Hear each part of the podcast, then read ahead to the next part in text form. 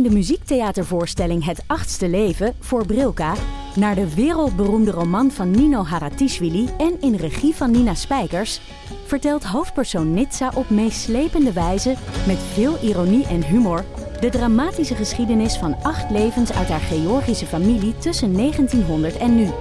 Een hartverscheurend en tegelijk troostrijk drama verteld vanuit het perspectief van vrouwen uit verschillende generaties. Waarbij het publiek meegenomen wordt op een emotionele, visuele en muzikale reis door de 20ste eeuw. Koop je tickets voor het achtste leven via oostpol.nl.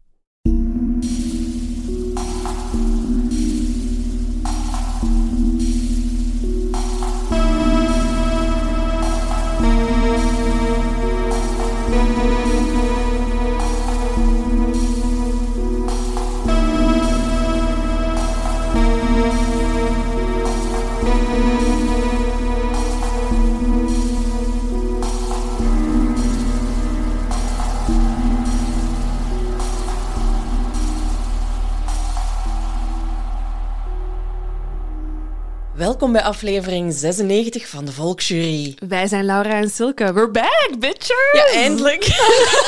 je bent eindelijk terug. Ik weet het, het voelt echt alsof ik maanden ben weg geweest. Maar het is wel echt bijna een maand geweest, hè? Ja, thanks for the judgment. nee, ik ben blij dat je ervan genoten hebt, toch, denk ik? ja, toch wel, toch wel. Mijn vakantie was heel deugddoend. Fijn, dus op- dat moet, een vakantie moet niet meer zijn dan dat, hè? Het moet niet meer zijn dan dat. Goed weer, goed eten, goede wijn, goede vibes. Het was fijn. Maar ook leuk dat je terug bent. Ja, weet je, dat is het. En dat is echt een luxe dat ik besef dat, dat ik dat heb. Maar drie weken vakantie is echt nice, omdat je... Bij mij duurt het echt lang om mij los te koppelen van werk en, en, en, en shit. Voilà, daar zijn we. Direct al swearen, net terug. Weg met die goede voornemens om beter te Welke voornemens? beter te babbelen. Ehm, nee, dus die eerste week zit je nog zo half in je hoofd met het werk bezig. En dan die tweede week komt je eindelijk los. En omdat je zo ontspannen bent, was ik tegen het eind ook wel zo van... Ik heb zin om terug te gaan. Eh, ik heb zin om terug te gaan werken. Ik heb zin om terug met de volksjury bezig te zijn. We hebben een, van- een waanzinnig najaar gepland. Eh, ons boek gaat er zijn. We hebben een live show in Gent. Snap je? Dus ik had Ja. zo De goesting was ja, er. goesting om terug te komen. Ehm, had ik verwacht dat het zo heftig ging zijn? nee. Ehm, want dus ik, ben, ik ben terug van afgelopen weekend. Ehm, en zondag hadden we al ehm, iets voor de volksjury op de planning eh Waar staan. we nog niks over kunnen Waar we zeggen. niet veel over kunnen vertellen, buiten dat, het, eh, dat er foto's zijn eh, genomen daar, voor iets. Voor Voor, iets. voor iets. Voor iets. Best wel iets leuk, iets waar dat we alle twee naar uitkijken. Laat jullie best guesses maar komen, hè? Absoluut, het was geen zwangerschapsshoot. Dat kan ik alvast. Gewoon, dat, dat, dat, dat kan ik al eh, zeggen, denk Ja, ik. dat kunnen we zeker zeggen. Maar voor de rest, ehm, tijdens de vakantie is er één moment geweest dat ik wel absoluut eh, op het internet, eh, met het internet verbonden wou zijn. Dat was toen dat de liveshow eh werd aangekondigd. Ik weet het, hè, er zijn heel wat teleurgestelde zieltjes, want we hebben het een beetje out in the open, niet aangekondigd, gewoon gedropt van... Lol, Hey. live show. Ehm, voor alle mensen die dat erbij gaan zijn, super cool. Voor de mensen die dat er naast hebben gegrepen of het niet zo goed uitkwam, schrijf u in op onze nieuwsbrief. We hebben een nieuwsbrief op onze website, kan je, die, eh, kan je je daarvoor aanmelden. Eh, dan hoor je als eerste eh, of er iets nieuws aankomt. En ik zou u inschrijven voor eind oktober. Ik zeg maar iets. Ik zeg maar iets. Dan zo ongeveer. Ehm, hoe was het hier? Ja, ehm, ik denk dat heel veel mensen nog niet weten wat dat ik heb gedaan. Nee. Maar ehm, ja, ik ben dus nu blond. Dat is een zeer belangrijk punt om even te bespreken. Toch, hè? want ja, want ik, er is vaak verwarring over wie wij zijn. En ik heb het jullie alleen maar moeilijker gemaakt. Want meestal zeg ik, ik ben die blonde. Laura is blond, Silke met de krullen, bruin haar. En dat is weg. Ja. Het is weg. Voor ik mij ga me zit... daar niet voor excuseren. Absoluut niet. Ik bedoel, Silke is de reïncarnatie van Farrah Fawcett geworden. Ja. Haar haar is... Ik was al jaloers op haar krullen. Nu is het ook nog eens golden. Ehm, ik heb er moeilijk mee. Maar niet op een slechte manier, hè. Gewoon zo van... Fuck, die ziet er heel goed uit. Maar jij ook, hè? Ik weet het, maar dus mensen... Hoe, hoe gaan jullie ons onderscheiden nu? Bril, krullen, nog, die zijn er wel nog gewoon ja, die steeds, zijn er hè? wel nog, ja. Oké. Ja, kijk, not my problem anymore. Nee. Je bent blond. En blond heeft fun. Het is dat.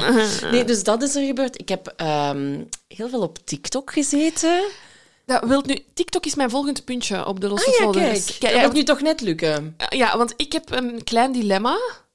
Ehm, de druk is groot geworden. Eh, Silke is echt full-on TikTok-queen geworden. Eh, ziek gelachen op mijn vakantie met haar TikToks. En naast mij zit Lucas en die was echt zo... Ja, Scheerlink, wat gaat het worden? wat ga jij doen op TikTok? Eh, dus op mijn, mijn profiel is momenteel naakt, leeg, blanco. Ja, zeer, zeer pijnlijk eigenlijk. Het is- het Allee, begint- sorry, maar Het begint pijnlijk te worden. Dus mijn vraag is voor jullie: wat missen jullie op TikTok? Welke, welke niche kan ik nog invullen? Want ik weet het niet. Silken is hilarisch en ik denk, ja, daar kan ik niet boven. Ik heb geen katten als attribuut. Ja, dat doet heel veel, hè? Ik weet het. Ik Attributen. weet het, ja. Ehm, ja, ik had toch op zijn minst een, een ehm, zij het niet een TikTok, op zijn minst een reel verwacht van Georgië. Snap ik. Snap Echt ik. toch een klein beetje teleurgesteld dat Begrijp dat, ik. dat dat zelfs niet gelukt is. Nee, en er waren mogelijkheden. Er, we, Ja, hebben zelfs, ja. we hebben zelfs een gesprek gehad in de auto over een mogelijke TikTok-video. Why didn't it happen? Ik weet het, het was hilarisch. We hadden een huurauto. Ehm, eh, en je kunt een huurauto huren bij gewoon zo de reguliere maatschappijen, Avis, Europcar en, en dat soort dingen. Maar in Georgië heb je ook een site waarbij dat je bij particuliere ga- eh, garagisten een auto kunt huren. Ehm, dat is goedkoper. Eh, die auto's hebben al wat kilometers op hun teller, maar ik denk, ja, een goed werkpaard, dat blijft gaan. Dus wij huren daar onze 4x4 om door de bergen te gaan chasen. En die mens legt dat uit. Ja, eh, zo, zit, zo gaat het van... dat is uw pinker, dat is dit, dat is dat. Eh, en zo verbinden de Bluetooth. Oké, dus wij vertrekken en ik denk, ja, je, afspeellijstje. Zeker. Knallen, we zijn net in Georgië, let's go. Ehm, en dit is- het was echt zo een... Ja, je zag het, het was zo een, een, een, een, tjoep dat je in zo die sigaretten aansteker Ja, ja, ja. steekt. En dat was de verbinding met Bluetooth. Mhm. Het dit moet op, op zoiets als Alibaba of Amazon besteld zijn, ehm, gemaakt in een ander Oosters land. Eh, want we zetten het aan en mijn gsm was dan verbonden. En dan met een zeer eh, computergegenereerde stem hoorden we elke keer als ik mijn gsm dus verbond. The Bluetooth device is connected successfully. Elke keer. The Bluetooth. Die woorden kwamen niet uit, maar het was dus wel elke keer verbonden. En ik dacht, ja, oh, met dit geluid moet ik iets doen. En dan heb ik het niet gedaan. Ik moet wel zeggen dat wij zo'n ding ook hebben in Oh my onze- god, hij zegt die dat ook? Nee, ehm, dat, dat, dat is van het merk Parrot. Ja? Dus die zegt ook iedere keer Parrot. Parrot, Parrot. Ja, love it. Ik had echt zoiets van... Maar had je iets mee moeten doen? Kijk, maar Morgen dus mocht mijn dingetje meepakken. Misschien kan kunt ik daar nog iets... Ik denk, ik ben erover aan het brainstormen met mezelf wat mijn TikTok wordt. Maar het is, het is voor mij, TikTok is echt, klinkt zo boomerig nu. Is echt een fantastische ontdekking gewoon. TikTok is live, man. Maar zo leuk. Ik laat echt Instagram, ik verwaarloos het. Ik weet het, daar post ik alleen nog maar foto's op. Waar het voor diende. We gaan gewoon allemaal back to the basic. Facebook Ja. om te weten wie er dood is. Instagram voor de foto's. en de grappige filmpjes op TikTok. En Twitter laten we ondertussen helemaal links liggen. Ja, maar kijk, ik heb afscheid genomen van Twitter in 2010 en dat is de beste beslissing van mijn leven. Ehm, nog één ding. eh, het gaat geen wereldreis eh, bingo-punt worden, maar nog één ding over Georgië. Ik heb toen ik daar was een heel mooi boek gelezen. Het is een klepper van meer dan 1200 pagina's. I know. Eh, maar het is het achtste leven van Nino Haratishvili. Haratishvili, ja. Eh, zij is Georgisch en zij schrijft eigenlijk over acht generaties eh Georgiërs. Een familieverhaal. Ehm, maar zo mooi. Heel de geschiedenis ook. Hè, van Georgië nog onder de Russische tsaar, naar de Sovjet, naar onafhankelijkheid. Ehm, gewoon eigenlijk echt een, een super interessante geschiedenisles gebracht door een familiegeschiedenis. Dus als je even tijd hebt om 1200 pagina's te lezen, echt een enorme aanrader. Oké. Geen tips? tijd. Geen tijd? Heb jij iets makkelijks te consumeren? Oh, zeer zeker. Oké, laat, het- laat het Ik komen. heb een, een Netflix-tip. Inside the Mind of a Cat. Dit is mijn niche. Ja, ja. En dat is eigenlijk gewoon een leuke documentaire over katten. Goed mee, goed mee gelachen. Ik heb Ja? samen met Aniek gekeken. En je komt echt zo nog wel dingetjes te weten Ja. over hoe dat katten functioneren. Uh-huh.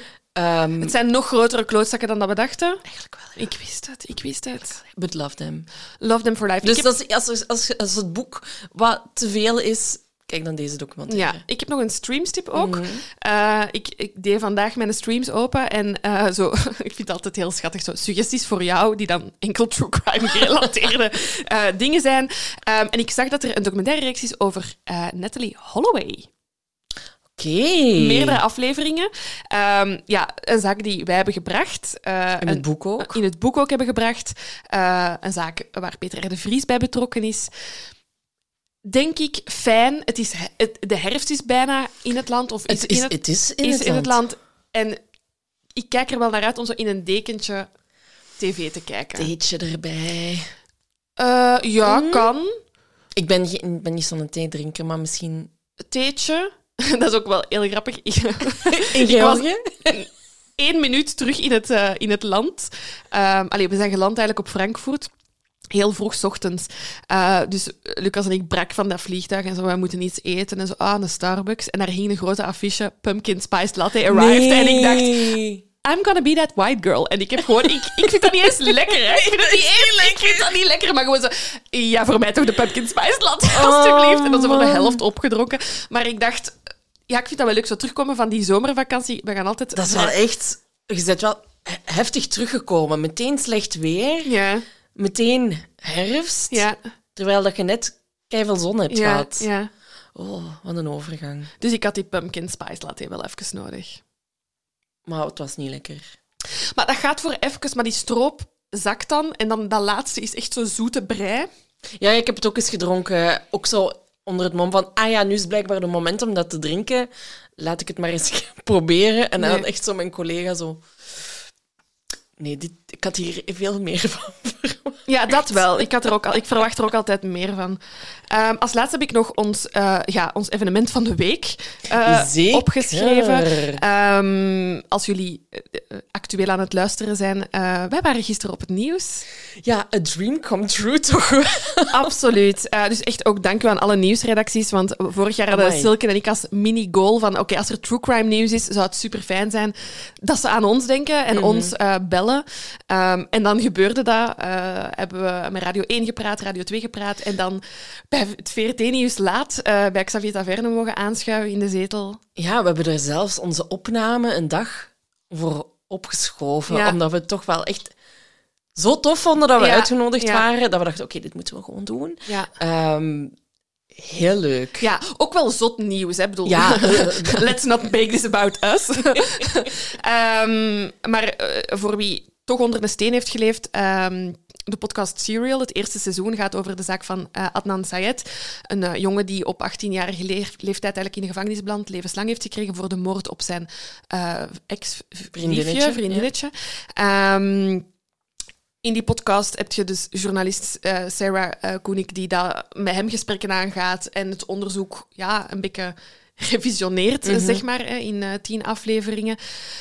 En na het luisteren van die podcast ziet iedereen wel met hetzelfde gevoel van hier, er, er klopt iets niet, er wringt iets. Ehm, en nu, na 22 jaar, is Adnan vrijgelaten omdat inderdaad het onderzoek heropend is. Of, of ja, er is toch naar gekeken en, en, en ook de onderzoekers hebben zoiets van... Nee, we, we hebben fouten gemaakt. Ehm, dus Adnan is vrij, eh, zeker al voor 30 dagen. Ja, want ze gaan nu kijken van gaan we het, het onderzoek eh, of gaat, gaan we hem een nieuwe rechtszaak geven of laten we voor wat het is, want oh, het is al miserie geweest.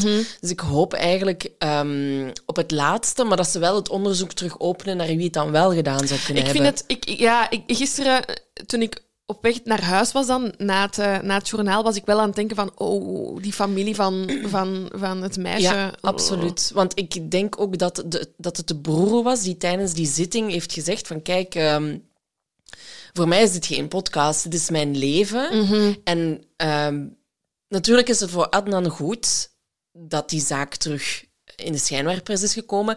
En die broer zei ook van ja, kijk, ik, ik geloof wel nog steeds in het justitiesysteem. En als Adnan onschuldig is, ja, dan moet hij gewoon Vrij vrij, zijn. Maar het wordt wel steeds opgerakeld en mensen mogen niet vergeten dat het hier wel effectief om mensen gaat. Ja. Dus dat vond ik een goede... Zeker, goede zeker. Ik, aanvulling. ik, ik bedoel, ik ga ervan uit... eh, Adnan is op een of andere manier ook een slachtoffer, maar het, het slachtoffer waar deze zaak rond draait, ja, die haar moord is op dit moment dus onopgehelderd. En dat is wel heel zuur. Ja. Aflevering van vandaag dan Aflevering maar eens van maken. vandaag. Het is weer ehm, een streams-aflevering. Eh, we hebben nog eens mogen kijken naar een True Crime Belgium ehm, documentaire. Ik vind ze altijd zo leuk. Ze zijn goed, ja. Ja ze, Ze zijn heel goed gemaakt. Echt goed, 10 op 10. Ehm, ook hier weer zaten hele leuke dingen in. Ehm, interessant hoe, dat ze, hoe dat ze met beeldmateriaal werken, Ja. eh, hoe ze getuigen aan het woord laten. Ik had weer zo geen vragen. Snap je zo? Soms heb ik na een documentaire zo van: ik heb nog vragen of ik had graag die stem nog gehoord. Klopt. En hier heb ik elke keer zoiets van: Iedereen komt aan bod Ja. die aan bod zou moeten komen. ja, ja, Heel ja. goed gedaan, ja. Ja, we brengen ehm, de keldermoord, hè, de True Crime Belgium, de keldermoord, zo eh, heet de aflevering op streams. Dus mensen die eerst willen kijken, nu stoppen met luisteren en eh, gaan kijken, want hij staat al online. Ehm En dan kun je daarna onze commentaar horen Ja. op, op de feiten. alright, let's go. Let's go. Ehm, we zijn in Knokke-Heist. En daar woont eh, een zekere Vanessa Luiks. Ehm, haar moeder, Monique, eh, komt vooral aan het woord. En die omschrijft Vanessa als een heel vrolijk, nieuwsgierig en sociaal iemand. Eh, toen ze klein was, had ze heel veel vrienden, vriendinnetjes. Ze zat in de scouts, ging graag babysitten. Allee, heel veel ja, outgoing. eh, veel met mensen bezig, veel met kinderen bezig. En als ze 17 is, blijkt ze zwanger te zijn. En ja, ze beslissen samen van het kindje te houden. Eh, ze wordt mama van Shani in 1998. En Shani komt ook aan het woord in de documentaire. En die omschrijft Vanessa, eh, haar mama, eigenlijk als een zotte mama. eh, maar wel een heel lieve. Ehm, en dat ze zo, ja, dat is wel relatable. Ze wou meedoen met de jeugd. zo, ja. Maar ik kan me dat voorstellen, Ja. als je op jonge leeftijd mama wordt, dan... dan je, allee, je wilt... Ik denk altijd, ik weet het niet, want ik ben geen moeder, maar je wilt wel meeblijven zo... Met wat zijn de kinderen bezig de dag van vandaag? Maar ik denk, als je, zeker als je jong mama bent, dat je er echt zo op zit. Dat je zo nog, het echt ook nog voelt. Van, oké, Ah, ja, het zal wel zijn. Dat is- Het zal wel zijn. dus ik, eh, hoe dat ze het beschreven, ik kreeg er echt zo'n warm hart van. Dat was echt Ja. schattig. En dan in 2002 wordt Vanessa nog mama van Bradley en in 2003 van Jaisley. En eigenlijk alles draait om de kinderen. Hè? Ja. Eh, dat is echt het belangrijkste in Vanessa, haar leven. Eh, Haar mama zegt ja, een, een warme vrouw met een warm en open hart. Ja. Ehm, en dan in 2007, in, in januari, ja, leert eigenlijk een nieuwe man kennen. Het is Chris Groffe. En dat is eigenlijk het enige wat op dat moment mist in Vanessa Ja. haar leven. Hè. Ze heeft haar kinderen, ze is daar gelukkig mee, ze heeft een goede band met haar familie. Maar ja, ze mist eigenlijk ja, dat gezinsleven. Ze heeft echt zoiets van, oké, de volgende relatie die ik aanga moet eh, duurzaam zijn. Ik wil een gezin uitbouwen. Ik ben op zoek naar iets langdurig. Voor mij geen onnozeliteiten. Ik heb mijn kinderen. Ik wil een, een, een één groot gezin vormen. Dat is waar dat ik naar op zoek ben. Ja, inderdaad. Maar de eerste indruk van mama Monique is ehm, niet goed. Hè? Nee, Ehm, en terecht. Ze vertelt in de documentaire hoe, dat die, ja, hoe dat ze, als ze hem voor de eerste keer ontmoet, dat dat bij, bij haar thuis is. Mhm. En de kinderen zijn daar ook.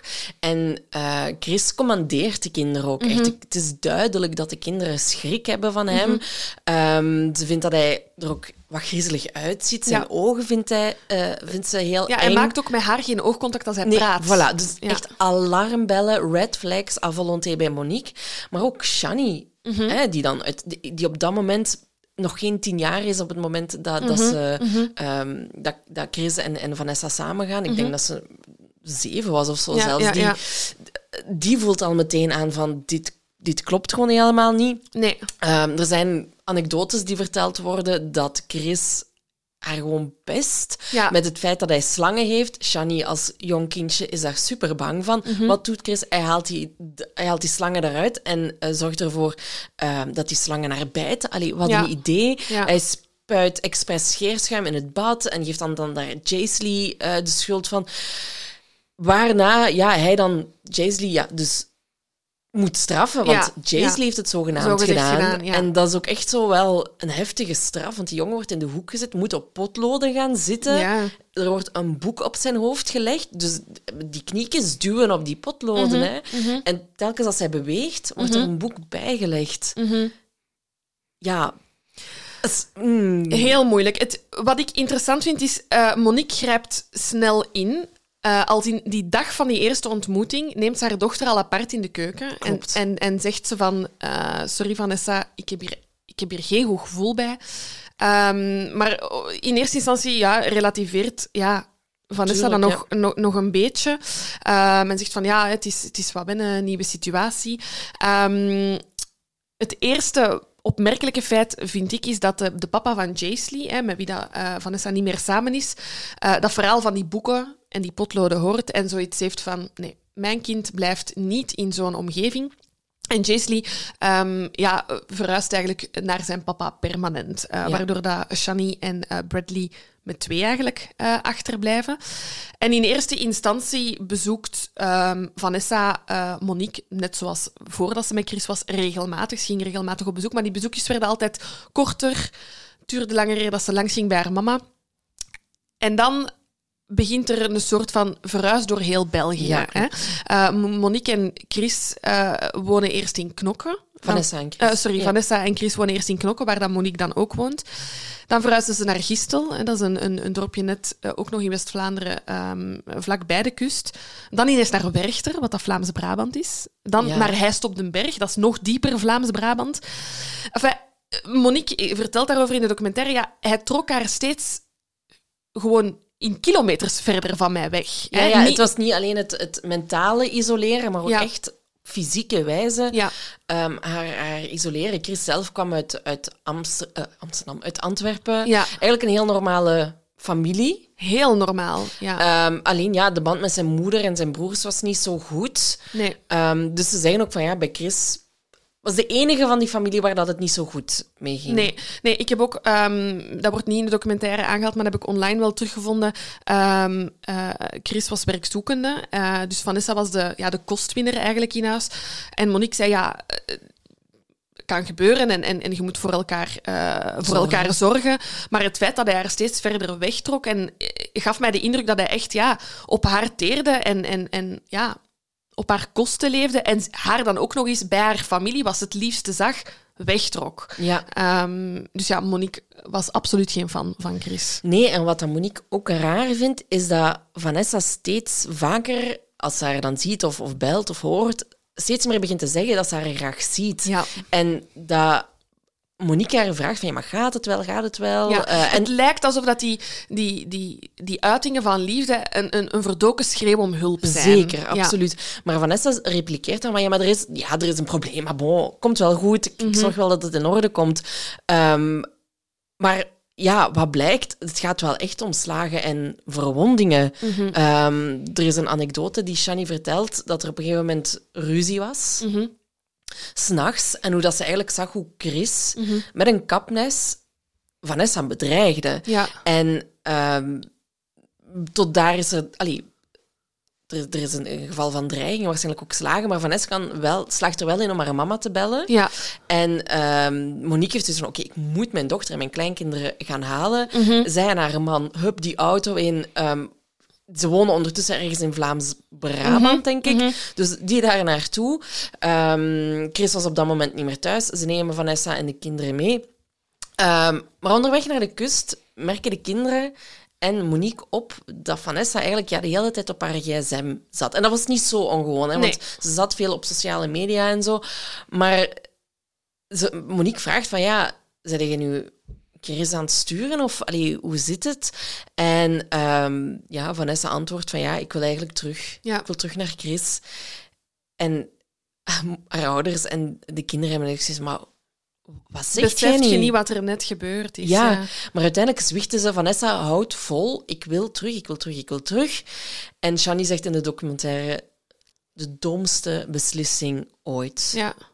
Ja, en het ding is, achteraf, later in de documentaire, uh, is er een expert daar ook over aan het woord. Mm. En ik kan het mij zo inderdaad ook inbeelden. Ja, we, we weten niet wat dat er in die berichten van Chris naar Vanessa stond, maar die is waarschijnlijk mega hard bedreigd en, en, doodsbang, en, en doodsbang om, om, om, om, ja, als hij dan ooit terug zou moeten zien, dat er iets zou gebeuren. Dus ze heeft zoiets van, ja, ik moet nu teruggaan, nu dat de brokken nog uh, te lijmen zijn. Zij het met, met haar of met de kinderen, Ja. hè? kan ook. Dus ja, wat doet je dan als moeder, Ja. als, als moederkloek, als het Ja, ja, ware? ja, ja. Ja, je gaat terug. Ja, ik heb ook nog opgeschreven op 1 januari 2011 is, um, komt Vanessa uh, langs uh, bij Monique thuis.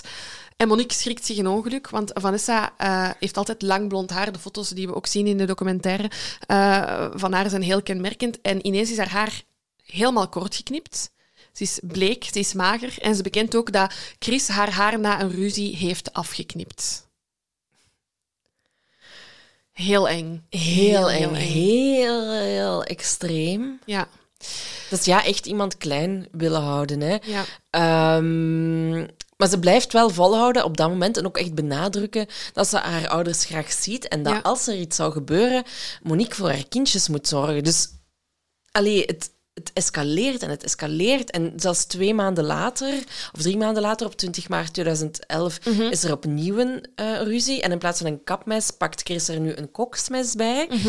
En Shani, die wordt wakker. Die is op dat moment tien of elf jaar, denk ik. Ja. Die werpt zich daartussen. dat die werpt zich tussen Chris en haar mama om haar mama te beschermen. En ze roept ook echt van, jij gaat mama geen pijn doen. Maar op Chris haar eigenlijk gewoon wegduwt en tegen de muur Tegen de muur gooit. duwt, ja. En ja, bon, iedereen zijn ouders hebben wel eens ruzie gehad en dat je denkt van, ja, moet ik daar nu als, als kind, Als hè, kind mee, mee- mee, mee, mee ja. gaan moeien? Maar het feit dat je dat effectief die stap durft te zetten als elfjarige, er staat er een toch wel vreemde man Ja. voor u ehm, in de keuken met een mes te zwaaien. En jij, ik vind dat Ongelooflijk. ongelooflijk wat Shani gedaan heeft. Wat daar. ik nog ongelooflijker vind van haar, Ja, en zeker. zo verstandig, is dat zij de volgende ochtend op school zegt wat er gebeurd is. Ze spreekt een leerkracht aan en ze vertelt dat er een ruzie is geweest met geweld, met een mes, ehm, aan die leerkracht. En die school reageert supersnel. Ehm Shani en haar broer worden apart gepakt. Politie komt ter plekke, die ondervragen de kinderen en die hebben zoiets van: oké, nee. Jullie zijn in een zeer onveilige situatie. We gaan hier ingrijpen. Eh, de kinderen worden diezelfde dag in een instelling geplaatst. En er wordt een contactverbod opgelegd, zowel voor Vanessa als voor Chris aan de kinderen. Ehm, enkel onder begeleiding mag Vanessa de kinderen eh, nog bezoeken. Monique vertelt dan zelf dat zij voogdij aanvraagt hè, dat die kinderen niet in die instelling moeten blijven. Eh, dat zal uiteindelijk ook worden toegestaan. Ehm, maar ze verblijven zeker een week in de instelling, want op 27 maart 2011 komt Vanessa de kinderen bezoeken. Daarvoor had ze eh, toestemming. En daar wordt eigenlijk afgesproken dat ze elke week mag bellen. ehm, met de kinderen. Hè. Dus dat de kinderen afstand moeten be afstand apart moeten zijn. Ehm, maar dat Vanessa wel met haar kinderen mag bellen. En dat doet ze ook elke week afgesproken op dat uur. Ja, wat ik nog wil, wil zeggen is dat ehm Shani opeens onthult aan ehm, Ja, ja, ja. Monique dat drie dagen voor die ruzie met het koksmes Mhm. Chris en Vanessa in het huwelijksbootje zijn gestapt. En Monique valt, die, die gelooft daar eigenlijk niet. Dus die gaat verhaal halen bij de politie van... Mhm.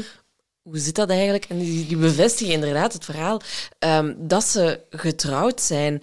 Ehm, en wat daar ook nog naar voren is gekomen in het verhoor van Chris, hè, over die mishandeling van, van Mhm. Ja. de kinderen, is dat hij wel aangeeft dat hij beseft dat Vanessa bang is. Mhm.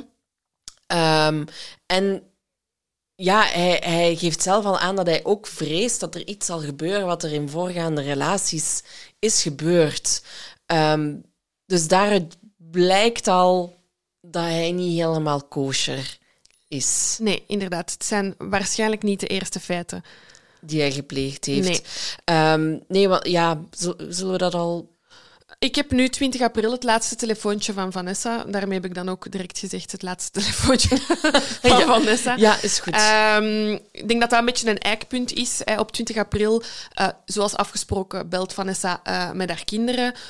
In dat telefoontje wordt niks speciaal gezegd. Ze sluit af met tot volgende week. Ehm, ik mis jullie, ik zie jullie graag. Ehm, en dat is de laatste keer dat Shani haar mama heeft gehoord. Ja, Vanessa en Chris waren ondertussen verhuisd naar een, apart, nee, naar een huis in, eh, in Herenthout. Mhm. En Monique maakt zich eigenlijk op dat moment nog niet zoveel zorgen. Hè? Ehm, en, en Shani en... Ik denk ook dat iedereen opgelucht is dat die kinderen daar weg zijn. Ja, inderdaad. Dat zal voor Monique, ik zeg niet dat dat alles oplost, maar dat zal wel al een pak van haar hart zijn. Ja, dat denk ik ook. Ehm, en de kinderen die hebben zoiets van, ja, oké, mama zal voor Chris gekozen hebben. Mhm. Super pijnlijk dat je dat moet denken als, als kind. Ehm, maar tegelijkertijd beseft Shani wel van, oké, maar mama was altijd online, altijd op Facebook, altijd haar spelletjes aan het spelen. En er gebeurt niks. Er gebeurt niks op haar Facebook. Eh Shani stuurt eh Facebook-berichtjes naar haar mama. Reageert niemand. Ja, eh, er komt gewoon geen reactie terug. Ehm, ze stuurt ook naar, haar vriend, naar de vrienden van haar mama. Maar niemand heeft eigenlijk nog iets gehoord van eh, Vanessa. Nee, mensen doen wel pogingen. Hè? Eh, er zijn vrienden van Vanessa die langsgaan aan de woning in Herenthout. En als Chris eh, dan open doet en ze vragen dan, ah, kunnen we Vanessa zien? Dan is er altijd een uitvlucht. Ze is gaan werken, ze is naar de winkel, ze is er nu niet. Ze heeft geen zin om jullie te zien. Dus mensen doen wel pogingen, maar er is geen teken van Vanessa. Ja, en Shani heeft dan zoiets van, oké, mama is dood. Mama is... Oh, dat, dat je moet denken als, als, als kind. Ja, Shani is zo jong en inderdaad, haar buikgevoel zal Ja, zeggen we van... mogen dat niet vergeten. Allee, sorry dat ik je, dat ik onderbreek, maar in, haar, in de documentaire zien we haar als, als een jonge vrouw. Mhm.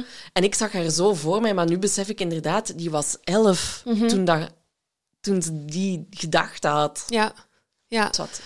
Dus ja, zij... En ik snap het, hè. Je probeert eh, je mama te contacteren en je kent je mama al heel je leven. Dus je hebt ook zoiets van, dat kan niet dat hij mij niet wilt horen. Dus daar zijn die doemgedachten dat dan in haar hoofd sluipen van, ja, het kan niet dat ze mij niet wilt zien, dus dan is ze niet in staat om mij te zien, dus is ze dood.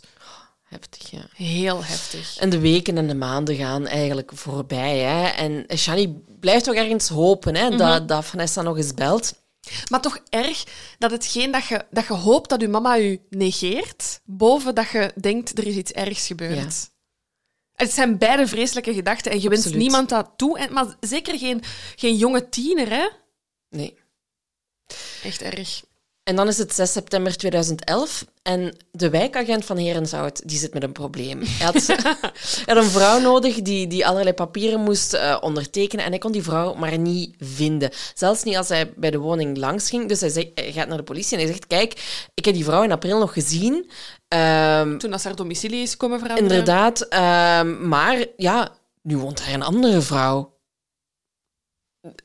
dus wat blijkt? Chris, ja, Vanessa, geen spoor meer van Vanessa. Dus Chris is een nieuwe relatie begonnen. Ja. Ehm, en zij heeft ook drie kinderen en die wonen ook in dat huis. Ja. Dus de politie heeft zoiets van, oké, we moeten Chris nu maar eens gaan ondervragen over waar Vanessa naartoe is. Ja. En Chris eh, vertelt, ah ja, dat is waar, we hebben een relatie gehad, eh, maar eh, bij de zoveelste ruzie, en we maakten heel veel ruzie, is het afgetrapt. En ja, ik heb sindsdien niks meer van haar gehoord Ja. Of gezien. Oké. Blijkt dat Vanessa een hondje had. Dat hondje heeft Vanessa niet meegenomen. In de woning staat een handtas van Vanessa, liggen spullen van Vanessa. Dat heeft ze allemaal niet meegenomen, maar Chris blijft bij zijn punt en zegt, ja, die is vertrokken en ik maak er mij niet druk in. En ja, zeg, ik zet mijn leven verder, ik Ja. heb een nieuwe relatie. Ja, hij zegt van ja, ze bleef hem maar de schuld geven van dat de kinderen uit huis waren geplaatst. Die audacity, ja. Oh my god, echt waar, Chris. Echt, Chris. En hij zegt ook, Vanessa heeft nog een briefje achtergelaten waarin Ja. dat ze inderdaad aangeeft van kijk, ik ben weg. Mhm. Maar dat kon hij conveniently niet aan de wijkagent eh, laten zien. Ehm, en de, de politie komt ook nog wel te weten dat Vanessa in april een contract had getekend eh, voor een nieuwe job bij een poetsbureau. En ze mocht eigenlijk de dag erna meteen beginnen. Ja, Maar Vanessa is toen niet komen opdagen. Ja. Dus er gaan steeds meer ehm, alarmbellen af. Hè, van er worden ziekenhuizen aangetrokken, er worden vluchthuizen aangetrokken. Is, is misschien betrokken geraakt bij een ongeval in het ziekenhuis Ja. terechtgekomen. Niemand heeft haar daar gezien. Niemand gaat uit van een zelfdoding. Iedereen zei, Vanessa hield van het leven, hield van haar kinderen. Dus ja, wat blijft er dan nog over? Een misdrijf. ja. Politie stuurt toch nog een eh, opsporingsbericht de wereld in. Ehm, ik heb dat hier even opgeschreven. Dus eh, de politie en het parket van Turnhout zijn op zoek naar de 30-jarige Vanessa Luiks uit Herenthout. Zij zou begin mei haar woning hebben verlaten en sindsdien is er niets meer van haar vernomen. Op het moment van haar verdwijning droeg ze een paarstopje, een blauwe jeans en witte baskets. Ze droeg mogelijk een witte jas. Ze heeft halflang zwart geverfd haar. Struis van lichaamsbouw tussen de meter 60 en de meter 70 lang. De speurders zijn pas begin deze maand van de verdwijning op de hoogte gebracht. De partner met wie de vrouw in Herenthout zou gezegd hebben aan de politie dat ze het echterlijk dak... Wat, wat wat een term, het echterlijk dak, ehm, verlaten heeft en dat hij niet weet waar ze naartoe is. In het belang van het onderzoek blijft de vraag waarom het zo lang heeft geduurd vooraleer aan de alarmbel werd getrokken voorlopig zonder antwoord. Wie Vanessa Luiks nog na mij heeft gezien of weet waar ze verblijft, wordt verzocht om contact op te nemen met de speurders. En dan breaks my heart. Aan Vanessa wordt gevraagd contact op te nemen met de familie om hen gerust te stellen. En het, ja, het wordt eigenlijk alleen maar erger ehm, vanaf nu. Ja. Uh, want het is tijd voor een huiszoeking, denken ze bij de politie. Ze moeten het, de, de woning in Herenthout gaan onderzoeken. In deze zaak, je moet zeggen, die school heeft snel ingegrepen, die, speurder, of die, die onderzoekers hebben die kinderen snel in veiligheid geplaatst. En nu ook, ze hebben echt snel zoiets van, Chris, hier klopt iets niet aan uw verklaring. En uh, op 22 september 2011 gaan de speurders dan eens langs bij Chris. En het eerste wat dat ze zeggen daarover is van ja, we kwamen die woning binnen, was niet zo netjes. Het stinkt. Het stinkt er, um, er was veel rommel, er waren blijkbaar uitwerpselen van de hondjes. Dus het was geen verzorgd huis. Nee. Um, ze komen in de keuken en zien dat er daar een deur is naar de kelder. Mm -hmm. Maar de deur is op slot en is langs alle randen eigenlijk helemaal afgeplakt met tape. bij mij, ik hoef niet eens een speurder te zijn om dan te weten dat klopt niet Something's helemaal. wrong. Ik wil daar wel nog even over zeggen. Dus dat sleutelgat was ook, afgeplakt. Ja. En gisteren liep ik naar mijn kelder en zag ik dat mijn sleutelgat van mijn kelder ook is afgeplakt. Nee. Maar bon, hoe vaak zeg je al bij mij thuis geweest? Het stinkt daar niet. Ah nee, ik wou zeggen, jij bent ook al in mijn kelder geweest. Snap je? Ja, die, deur, ja, ja, die, deur, gaat altijd open. maar ik was wel zo... Moet ik dit... Dat is echt nog... Want we hebben die deuren nog niet geschilderd. Dat is een van onze zo, taakjes die je uitstelt. Dat is zo van de vorige, hu Allee, van de vorige bewoners van het huis. En nu denk ik zo... Hmm, hmm, hmm. En nu denk ik, voor de lol, ik ga het laten hangen. Nu, dus bij het, ze doen die, die kelderdeur dan open en dan eigenlijk... Sorry, ik vind het nog altijd fantastisch dat jij reageert. Het stinkt niet bij Bedankt voor die geruststelling. Ja, het stinkt niet bij mij. Het stinkt niet, stinkt niet bij u. Dat mag, dat mag ook eens gezegd worden. Dus ze doen die kelderdeur ja, open. Sorry, sorry, En um, het eerste wat ze eigenlijk opmerken is dat er wel heel veel dode vliegen op de grond liggen en dat er een uh, ammoniakgeur vrijkomt. Ja, en alle alarmbellen gaan af, jongens. Ja, in de, in de aflevering uh, zegt de speurder... Op dat moment wisten we dat er misschien wel iets in de kelder aanwezig zou zijn. You don't say. En dan zien ze onderaan de trap... Um, zien ze eigenlijk al meteen een voet ja. liggen. En ja, we moeten niet veel verder kijken, want daar blijkt dan ook een lichaam uh, te liggen. Uh, de voet liggen... is voor alle duidelijkheid vast. Ja, vast want dat, was, dat, dat, vroeg ik mij af. Van, is ja. het, hè, maar het is, het is nog een geheel. Um, maar op de buik liggen door de vliegen, er zijn insectenlarven, uh, er liggen duizenden insectenpoppen. Um, het slachtoffer had wel haar kleren nog aan. Daar wil ik even iets over zeggen. Die uh, expert dat daarover aan het woord is, heeft zo'n archaïs taalgebruik. Want om de manier hoe dat ze in de documentaire heeft gezegd dat Vanessa haar kleren nog aan heeft. Ja. Het lichaam was ook drager van een broek. Ja, ja. en ik was echt zo...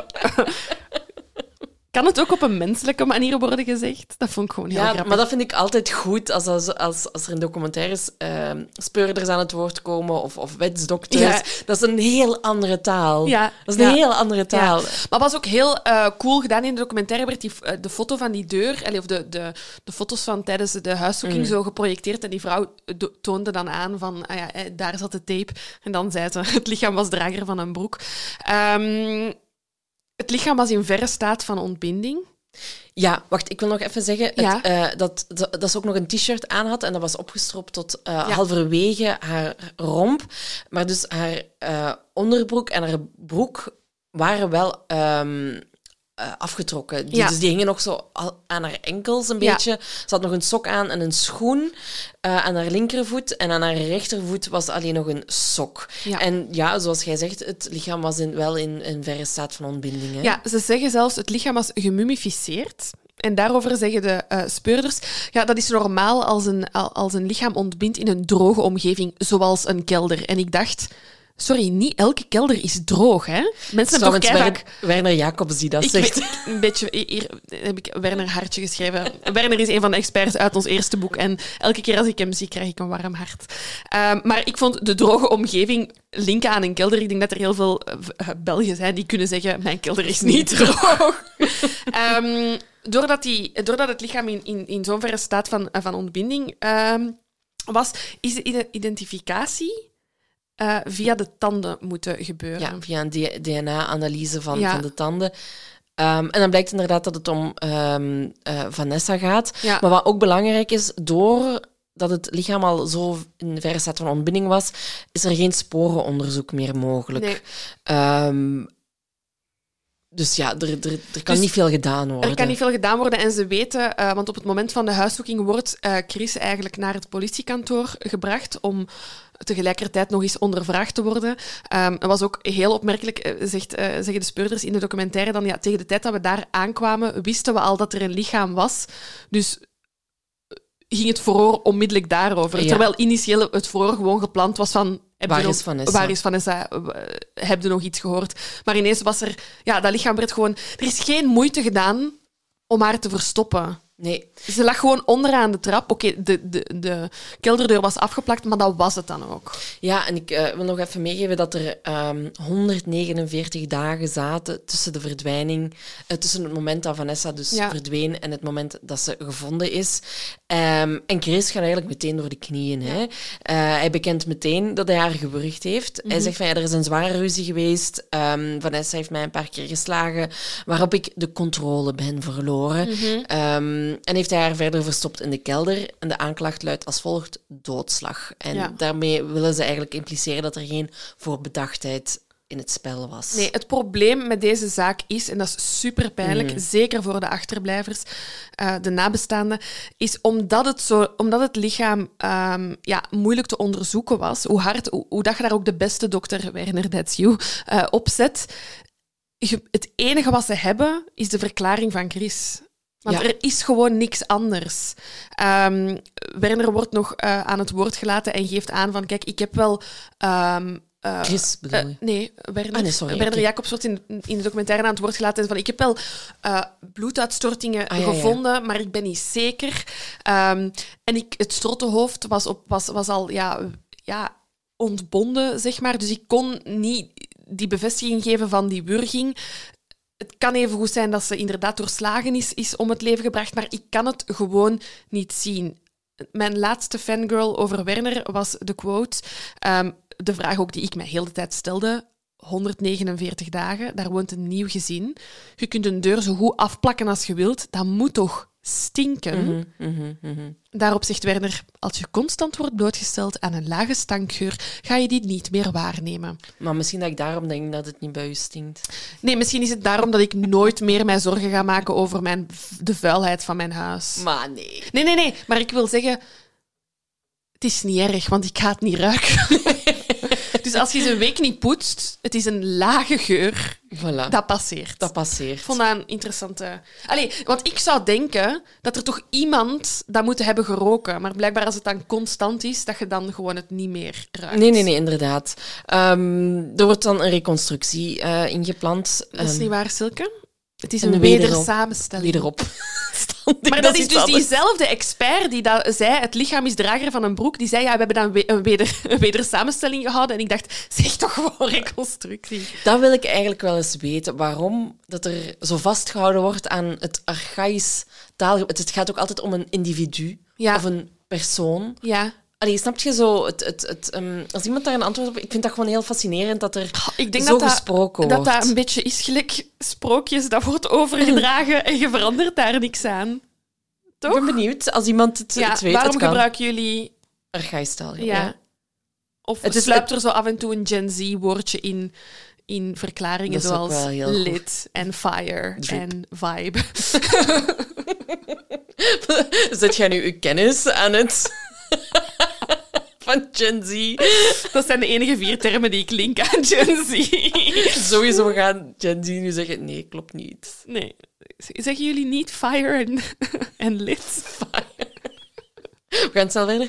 Dus de reconstructie eh, is op 21 november 2011. Ja. En daarin toont hij hoe dat die ruzie is ontstaan. Hè? Mhm. er, er, er was ruzie, zegt hij, ehm, waarschijnlijk weer over het feit dat die kinderen uit het huis waren geplaatst. Mhm. Chris heeft beslist van oké, ik moet even naar buiten om af te koelen. Ondertussen kan Vanessa ook afkoelen. Hij gaat terug naar binnen. Hij wil naar het toilet gaan in de badkamer. En hij zegt, ja, Vanessa is mij gewoon de badkamer ingevolgd, is blijven ruzie maken, heeft mij klappen gegeven. Waarop ik haar heb vastgenomen om haar te kalmeren. En mijn handen zijn dan toevallig rond haar nek terechtgekomen. En hij heeft geduwd. Hij heeft Letterlijke quote. Plots, plots. Zaten mijn handen rond haar nek. Plots. Ja, dat gebeurt bij mij ook altijd plots. Plots, Plots. heb ik Lucas vast. Dat is altijd echt waar. Maar dat, je dat, maar dat vind ik dus echt het lef dat je hebt om Ja. zoiets te zeggen, om dat als verklaring te geven. Fuck you, Chris. Echt waar. Echt waar. En hij heeft haar dan voelen verslappen in zijn handen. En hij heeft haar nog naar de vloer begeleid. Ziet je het u voor u? Hè? Ik bedoel, en dan opeens reageerde ze niet meer. Ehm, maar ehm, Werner kan echter niet meer achterhalen Nee. of ze ook daadwerkelijk eh, gestorven is eh, door wurging. Dus hij zegt, ja, de doodsoorzaak is eigenlijk onbepaald. Ja. Uh, maar wat dat jij al zei, van, er, is, er is wel sprake geweest van slagen en verwondingen. Ehm, die wurging, ja, dat zal dan wellicht ook gebeurd zijn volgens, volgens Chris. Ehm, en uit de reconstructie blijkt ook dat Vanessa al die maanden in die kelder heeft gelegen, zoals Chris haar die nacht, of wanneer dat het dan gebeurd is, ehm, die dag, denk ik, ehm, daar, daar zo gelegd Ja, heeft. ja, hè, in het ja. midden van de kelder, naast de trap. Ja, hij verklaart zelf dat hij nog één keer in de kelder eh, is geweest. Ehm, en daarna heeft hij dan beslist om de kelder af te plakken. Ja, hij, had, hij had ook zo problemen met de elektriciteit, dus hij moest de plomb terug gaan opzetten. Daarom is hij in de kelder, in de kelder geweest. geweest. Dus hij is over Vanessa, Vanessa moeten stappen. Ehm, hij zei zelf dat zijn initieel plan was, ehm, omdat de ruzie eh, overdag is gebeurd. Want hij zei van ja, ik had schrik dat Mm. mensen mij gingen zien als ik mij wou ontdoen van haar lichaam. Eh, hij had wel een plan om haar ehm, te verplaatsen met een koffer. Maar op het moment dat hij dat dan ging doen, was de ontbinding al te heftig. ehm, en vond hij er niks beter op dan de deur af te plakken en ja, de doos van Pandora te sluiten. Allee, dat Ja, is ja, zo'n beetje wat het is. Ehm, de, de anekdote die dan komt in de Mhm. documentaire, al het haar, om even het eiland te quoten, al het haar op mijn armen stond recht. Want wat blijkt? Dat één dag voor de huiszoeking Ja. De arme man van de waterstand langskwam. En die komen af en toe langs en die Dat moeten in de kelder zijn om de, de waterstand op te meten. Voor hem is dat geen lage stank. Hè? Dus die moet sowieso in dat huis zijn binnengekomen en iets raar hebben geroken. Dat kan niet anders. Dat kan niet anders. Die stapt met de Chris naar de kelderdeur en daar steekt Chris een show af waarvan hij zegt oei, de sleutel van deze deur, nee, die, die heb ik niet. Maar stel u voor dat die arme man van het water beter zijn best had gedaan. Ik wil niet zeggen beter zijn best, maar volhard, allee, volhardender Ja, ja. was geweest en had gezegd van je moet nu die deur open doen. Dan had die man dat lichaam gevonden. Hè? Imagine. Ja, of was Chris agressief geworden naar Ja. hem toe? Allee, Ik bedoel, heel veel scenario's mogelijk. Dus misschien maar goed dat er... Dat hij heeft gedacht van, oké, weet je, ik heb nog een hele lijst af te werken van mensen waar ik moet passeren. Bye, ik kom Geen morgen nog wel eens terug. hier, ja. Ik, die man zou ik graag eens spreken, om te weten of, je dat, of die iets voelde. Alleen niet voelde, maar zo... Iets aanvoelde, ja. Ja. Iets, iets louche opmerkte. Maar hij, zei ook, hij had ook zijn excuses voor die nieuwe vriendin en die kinderen. Hè. Ja, Ja. er lag eh, wat slecht vlees in de kelder. Ik bedoel, dat je dat al moet uitleggen, is toch wel echt een teken aan de wand dat er iets niet Dat klopt. niemand... allee, dat je echt... Ik bedoel, dat is toch echt de start van elke horrorfilm. In een huis komen, een deur die op slot is, waarvan dat ze dan zeggen, die mogen niet open doen. Dat is het eerste wat ik open Maar doe ik dan. zou niemand meer in huis halen. Het, wat, het risico dat Chris ook heeft genomen. Maar het is volgens- gewoon een totale onverschilligheid. Ja, en volgens, ja, inderdaad, vol- volgens mij heeft, had hij ook zoiets van... Deur toe, ik weet het niet, ik negeer het. Exact. Ehm, er komt nog één ding eh, naar voren uit de, uit de reconstructie. En dat blijkt, hè, hij zegt van ja, die broek van Vanessa die op haar enkel zat, dat is gebeurd terwijl ik haar aan het verslepen was naar de kelder. Ja. Bon, ze testen dat, kan niet. Nee. Ehm, Maar er zijn helaas dus geen sporen overgebleven waaruit dat ze kunnen bepalen van is Vanessa dan nog verkracht geweest of is er een poging geweest tot verkrachting. Kunnen ze allemaal niet meer vaststellen. Nee, en we weten allemaal in 2011 dat waren skinny jeans, dat kreeg je niet zomaar uit. Zeker niet. Dat is zo. Dat is zo. Ehm, ondertussen worden ook de ex-partners van Chris verhoord. En daar zit voor mij echt het grote probleem in deze zaak. Oh, zeker. Dat breekt mijn hart. Dit is een, dit is een, een moord. Want voor mij, ik weet dat, dat, het, dat, er, dat er hier hè, de aanklacht doodslag is. Voor mij is safe to say dat dit moord was. Ehm, had kunnen vermeden worden. Ja. Want die vrouwen doen hun boekje open en oh boy, alle alarmbellen hadden echt al jarenlang kunnen afgaan. Chris heeft verschillende ex-partners met geweld aangevallen. Ruzies waren zowel fysiek als mentaal. Er zijn aanrandingen geweest, er zijn verkrachtingen geweest. Hij is ook, eh, er is ook, ehm, hij is ook veroordeeld voor poging doodslag Ja. en poging tot verkrachting. Dus die mens heeft al een jaar in de gevangenis gezeten, een jaar met een enkelband rondgelopen. En, bon ja, een patroon, hè. Het, Het is gewoon een duidelijk. patroon. Ja. Tijd om naar het proces Ja. te gaan. Eh, dat gaat van start op 18 oktober 2013. Ehm, ook heel pijnlijk hier in de documentaire vertelt Chani, zij was 15 op dat moment eh, dat het eh, proces van start ging. En zij werd dus beschouwd als te jong. Ze zou 16 worden. Ja, maar dus te jong om een, om een assise zaak bij te wonen. Ehm, vindt ze zelf jammer, begrijp ik. Alhoewel dat het natuurlijk, wat we horen van assise, alle foto's misschien maar beter om zo'n dingen niet te moeten zien. Ehm, maar ik snap wel als closure dat je, ja, Dat je daarbij wilt dat je zijn. daarbij wilt zijn. Ja. Ja. En dat je aan hem ook vragen had kunnen stellen of zo op een of andere manier. Want dat zijn dingen die niet, ja, die niet gebeuren. Hè. De verdediging mikt inderdaad, dankzij die een doodslag, ehm, gaan zij proberen de straf zo laag mogelijk te houden wegens gebrek aan bewijs. Ja, het enige wat we hier hebben is de getuigenis van de dader. En die kan zeggen wat hij wil. Mhm. Ja, ja, zeker. Eh, Ze zeggen gewoon van ja, hij had niet de intentie om te doden. En Chris had blijkbaar ook gezegd van ja, hoe kon Vanessa zo dom zijn om mij uit te dagen? Ze wist toch dat ik een agressieprobleem had. Dat je echt denkt, Als ik daar in de jury zit, dan ben ik gewoon zo... Oké, we kunnen overgaan tot de schuldvraag. Schuldig aan moord levenslang. Jij zijt gestoord. Ja, want hij geeft ook aan dat hij... Want de, de, eh, de rechter, de voorzitter, die vraagt ook van... Oké, maar je hebt daar vastgenomen bij de nek. Dat heeft twee minuten geduurd. Dan beseft je toch dat je aan het doden Maar bent. die gast heeft geen schuldbesef. En hij zegt, ja, ja, ik besefte dat, dat ik haar aan het doodknijpen was. Maar die beseft niet ja, dat hij eigenlijk een moordenaar is. Hè? Ja, ehm, ik heb nog een, eh, een psychiatrisch onderzoek Ja. eh, gevonden. Ehm, daaruit blijkt inderdaad dat hij inderdaad een zware psychopaat is. Ehm, Wauw. Ja. Surprise, surprise. Het is inderdaad, eh, de, de, de, de, de, verklaringen van de ex-partners komen daar ook in terug naar, naar voren. Ja, hij heeft gewoon totale onverschilligheid. En hij, heeft ook, ehm, is ook verplicht geweest een cursus agressiebeheersing te volgen. Ook nadat ehm, hij Shani tegen de muur Ja. eh, had geduwd, heeft hij nooit gevolgd. Ehm, Maar zo'n dingen moeten toch opgevolgd Ja. worden, jongens toch? en de gerechtspsychiaters zeggen ook, hè, de koelheid waarmee hij over de feiten vertelt en het gebrek aan enige emotie is opvallend. Ook de manier waarop hij spreekt over het lijk als een object valt op. Dat hij onmiddellijk weer een andere relatie aanknoopt met iemand die bij hem komt inwonen terwijl het lijk in de kelder ligt, wijst op een totale onverschilligheid. Hij heeft geen schuld of spijtgevoel. Nee. Ja, bon. Heel mooi eh, gezegd, eh, vind ik, door eh, een getuigenis in de documentaire van een van de experts. Die zegt: Het is heel moeilijk in deze zaak om de feitelijke waarheid en de juridische waarheid met elkaar te verzoenen. Ja, dat is zo, hè? Dat is zo, hè? De feiten, daar moeten we een beetje naar raden, want we hebben niet veel. En je hebt enkel dat om je juridisch oordeel te vellen.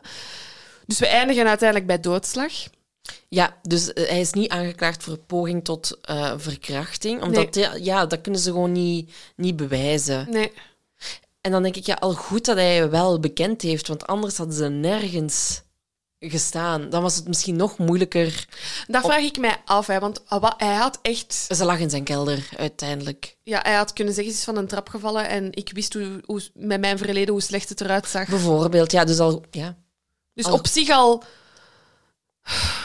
al goed dat hem bekend heeft. Want Ja. ze had ook anders kunnen uitdraaien. Hè? Ja. Want uiteindelijk wordt hij veroordeeld ehm, tot 30 jaar cel. En ook heel erg opvallend, de jury zag geen enkele verzachtende omstandigheid. ja, ik ook niet. Ja, maar zeker niet. Ehm, maar wat dat wel pijnlijk is, is dat er ook met de vinger naar Monique is gewezen. Ja, en dat is iets. ehm, hand op het hart, moest ik een krantenartikel over deze zaak lezen. Het is een gedachte. het? Ja. Het is een gedachte dat in mij ook zou opkomen. Hè. Eh, Monique vertelt een heel pijnlijke anekdote dat ze op de tram zit en twee vrouwen eh, die ze niet kent over de zaak hoort praten. En een van de eerste dingen dat die vrouwen zeggen is: ja, maar wie- hoe kan dat nu dat een vrouw niet gemist wordt door haar familie 149 dagen lang? En ik begrijp dat. Dat is een gedachte dat ook in u zou opkomen als je niet bezig bent. Ja, als, je, als, materie, je, als, je, als je de materie niet kent, als je de hele zaak niet kent. Ja. en dan wordt er inderdaad ook heel mooi uitgelegd hè, dat daders een zodanige grip hebben op hun, op hun slachtoffers. We hebben het er straks al even over Ja. gehad. Hè, door die angst, eh, het isolement, door het, ze zeggen van ja, zo, met zo iemand samen zijn werkt als een soort van verslaving ook.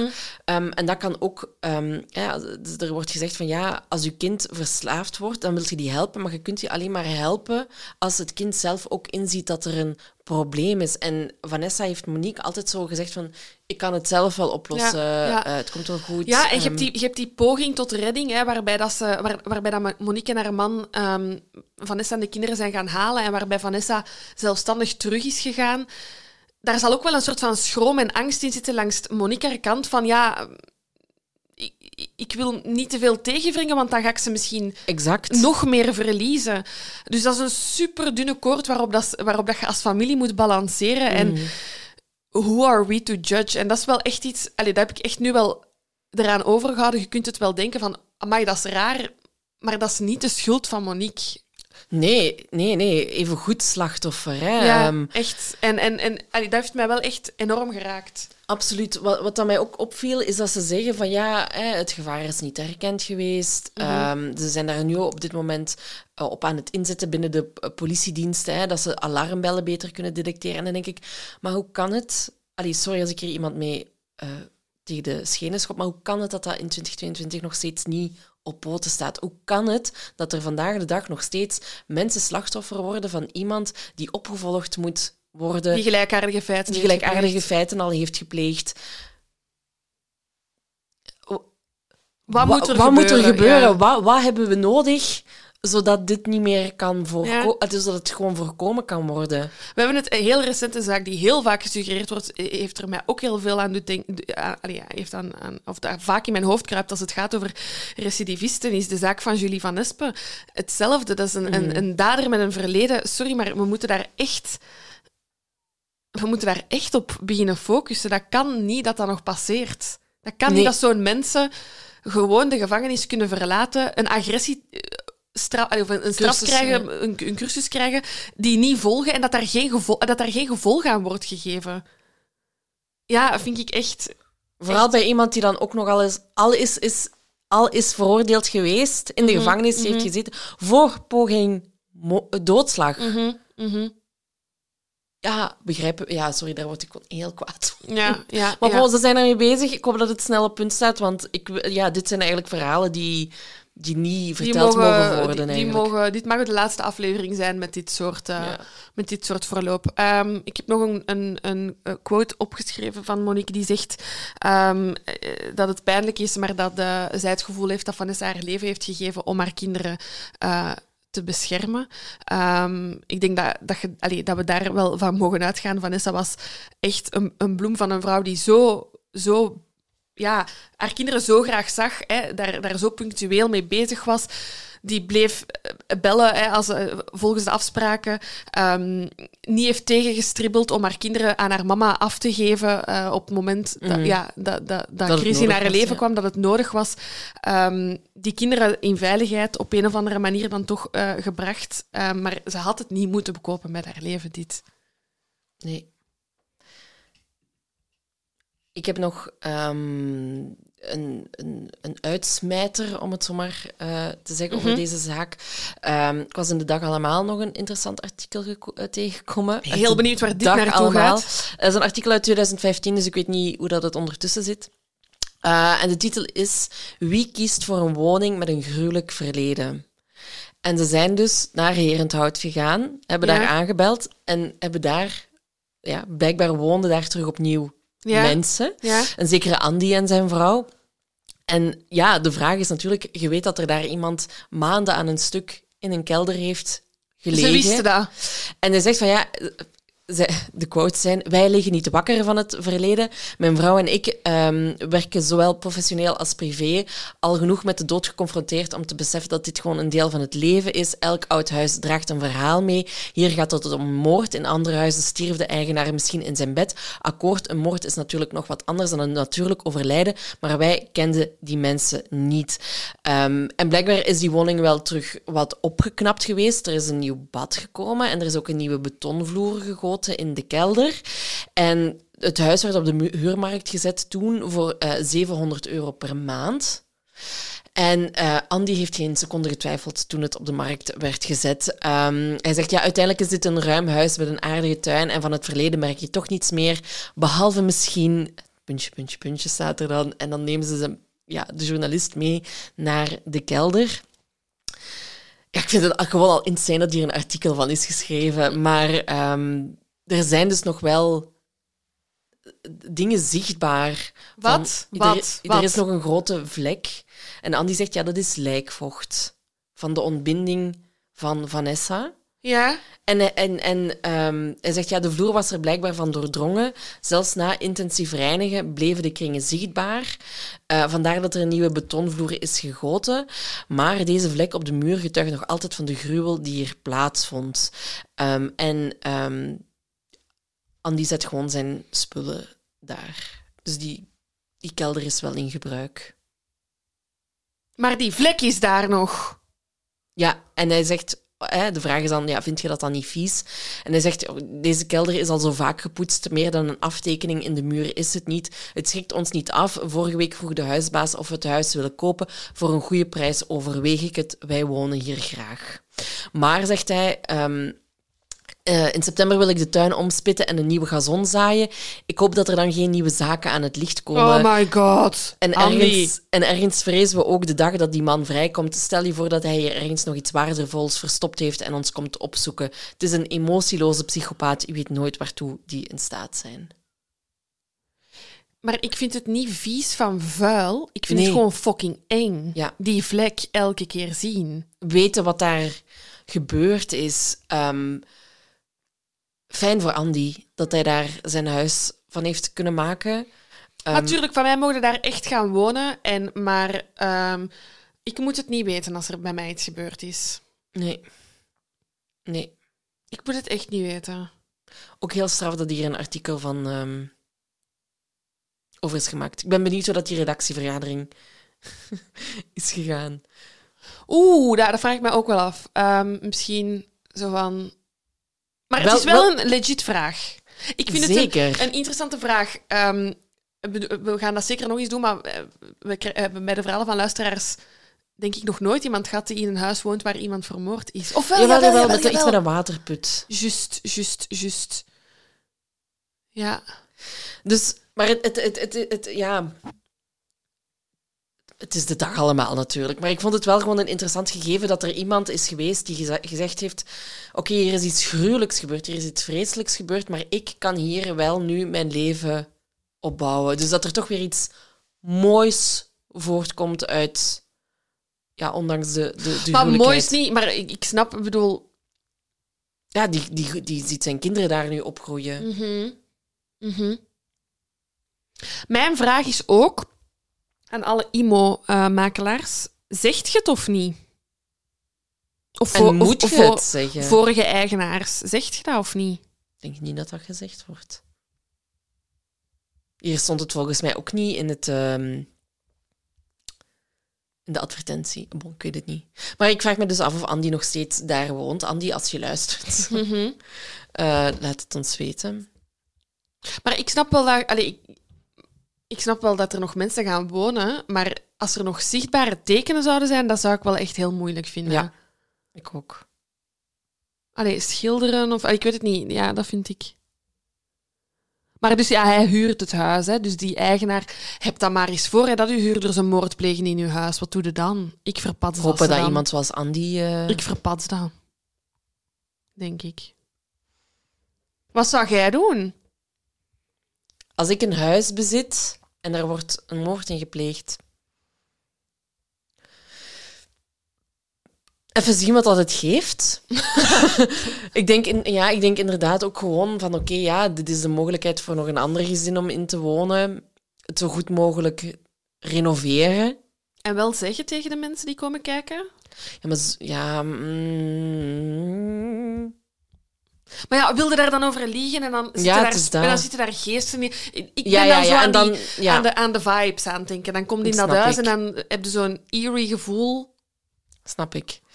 Ehm, ja, gouden hartje, hè, heb ik. Dus ja, ik zou dat zeggen. Ja, heel interessant. Oh, goed. Goed dat je dat artikel nog hebt gevonden. Ja, het is Nu een heel dat- interessant gegeven. Nu wil ik dat van alle, alle zaken weten. Ja. Of dat er dan nog mensen in dat huis wonen. Ik weet met grote zaken, zoals bij Dutroux, Pandy en, ja. en Dutroux zijn die huizen weggehaald. ja, dus daarom vind ik het interessant dat het... Ja. maar ja, bon, het, is, het, is, het is van 2015, dus, dus ik weet niet wat dat de situatie momenteel is, maar er heeft dus effectief... Andy, heb je het huis gekocht of niet? Ja. Ehm, ja, verder wou ik gewoon nog zeggen, ik vond het een heel goede documentaire. Mhm. Ehm, enorm sterke getuigenissen van Monique en Shani, Ja. waarvoor echt dikke proficiat. Echt dikke proficiat. Ehm, Echt ook straf dat ze het gedaan hebben en hoe dat ze het gedaan Ja. hebben. Want het was met heel veel emoties. En Terecht. through. Allee, echt ehm, Ja, ja, echt heel goed gedaan. mooi Ehm, eerbetoon aan Vanessa ook gewoon. Wel, dat vind ik ook. Dat vind ik ook. Ik heb ook echt het gevoel na het kijken van de documentaire dat ik een beetje weet wie ze was. Ja, Wat voor een madame dat het geweest is. Dus dat vind ik ook altijd wel leuk, dat je zo'n een beeld hebt van, van hoe dat die persoon is. Ehm, dus ja, streams, let them come, hè. Ik bedoel, Ja. meer. Wij, zijn, wij zijn hier. Wij zijn hier, wij willen meer. meer. Oké, dat was het. Dat was het. Vanaf nu is het gewoon terug om de twee weken, jongens. Voor En eh, we houden jullie op de hoogte over alles. En vergeet de nieuwsbrief niet. Ja, echt waarschijnlijk. Ik bedoel, gewoon, het ding is, we hebben teleurgestelde berichtjes gekregen van luisteraars. Wanhopige berichtjes. Wanhopige berichten, scans van identiteitskaarten. Ehm ziet dat je voorbereid bent Op wat er... op wat er nog kan komen. Schrijf u in op de nieuwsbrief. Wordt leuk. het- Alles wat dat we doen. Het wordt echt nog een waanzinnig najaar. Laten we het daarbij Ja, voilà. afsluiten. Einde. Bye. Bye. Nog even over die grootse en epische muziektheatervoorstelling. Het achtste leven voor Brilka is een marathonvoorstelling van 5 uur. Koop je tickets voor deze bijzondere theateravond via oostpol.nl.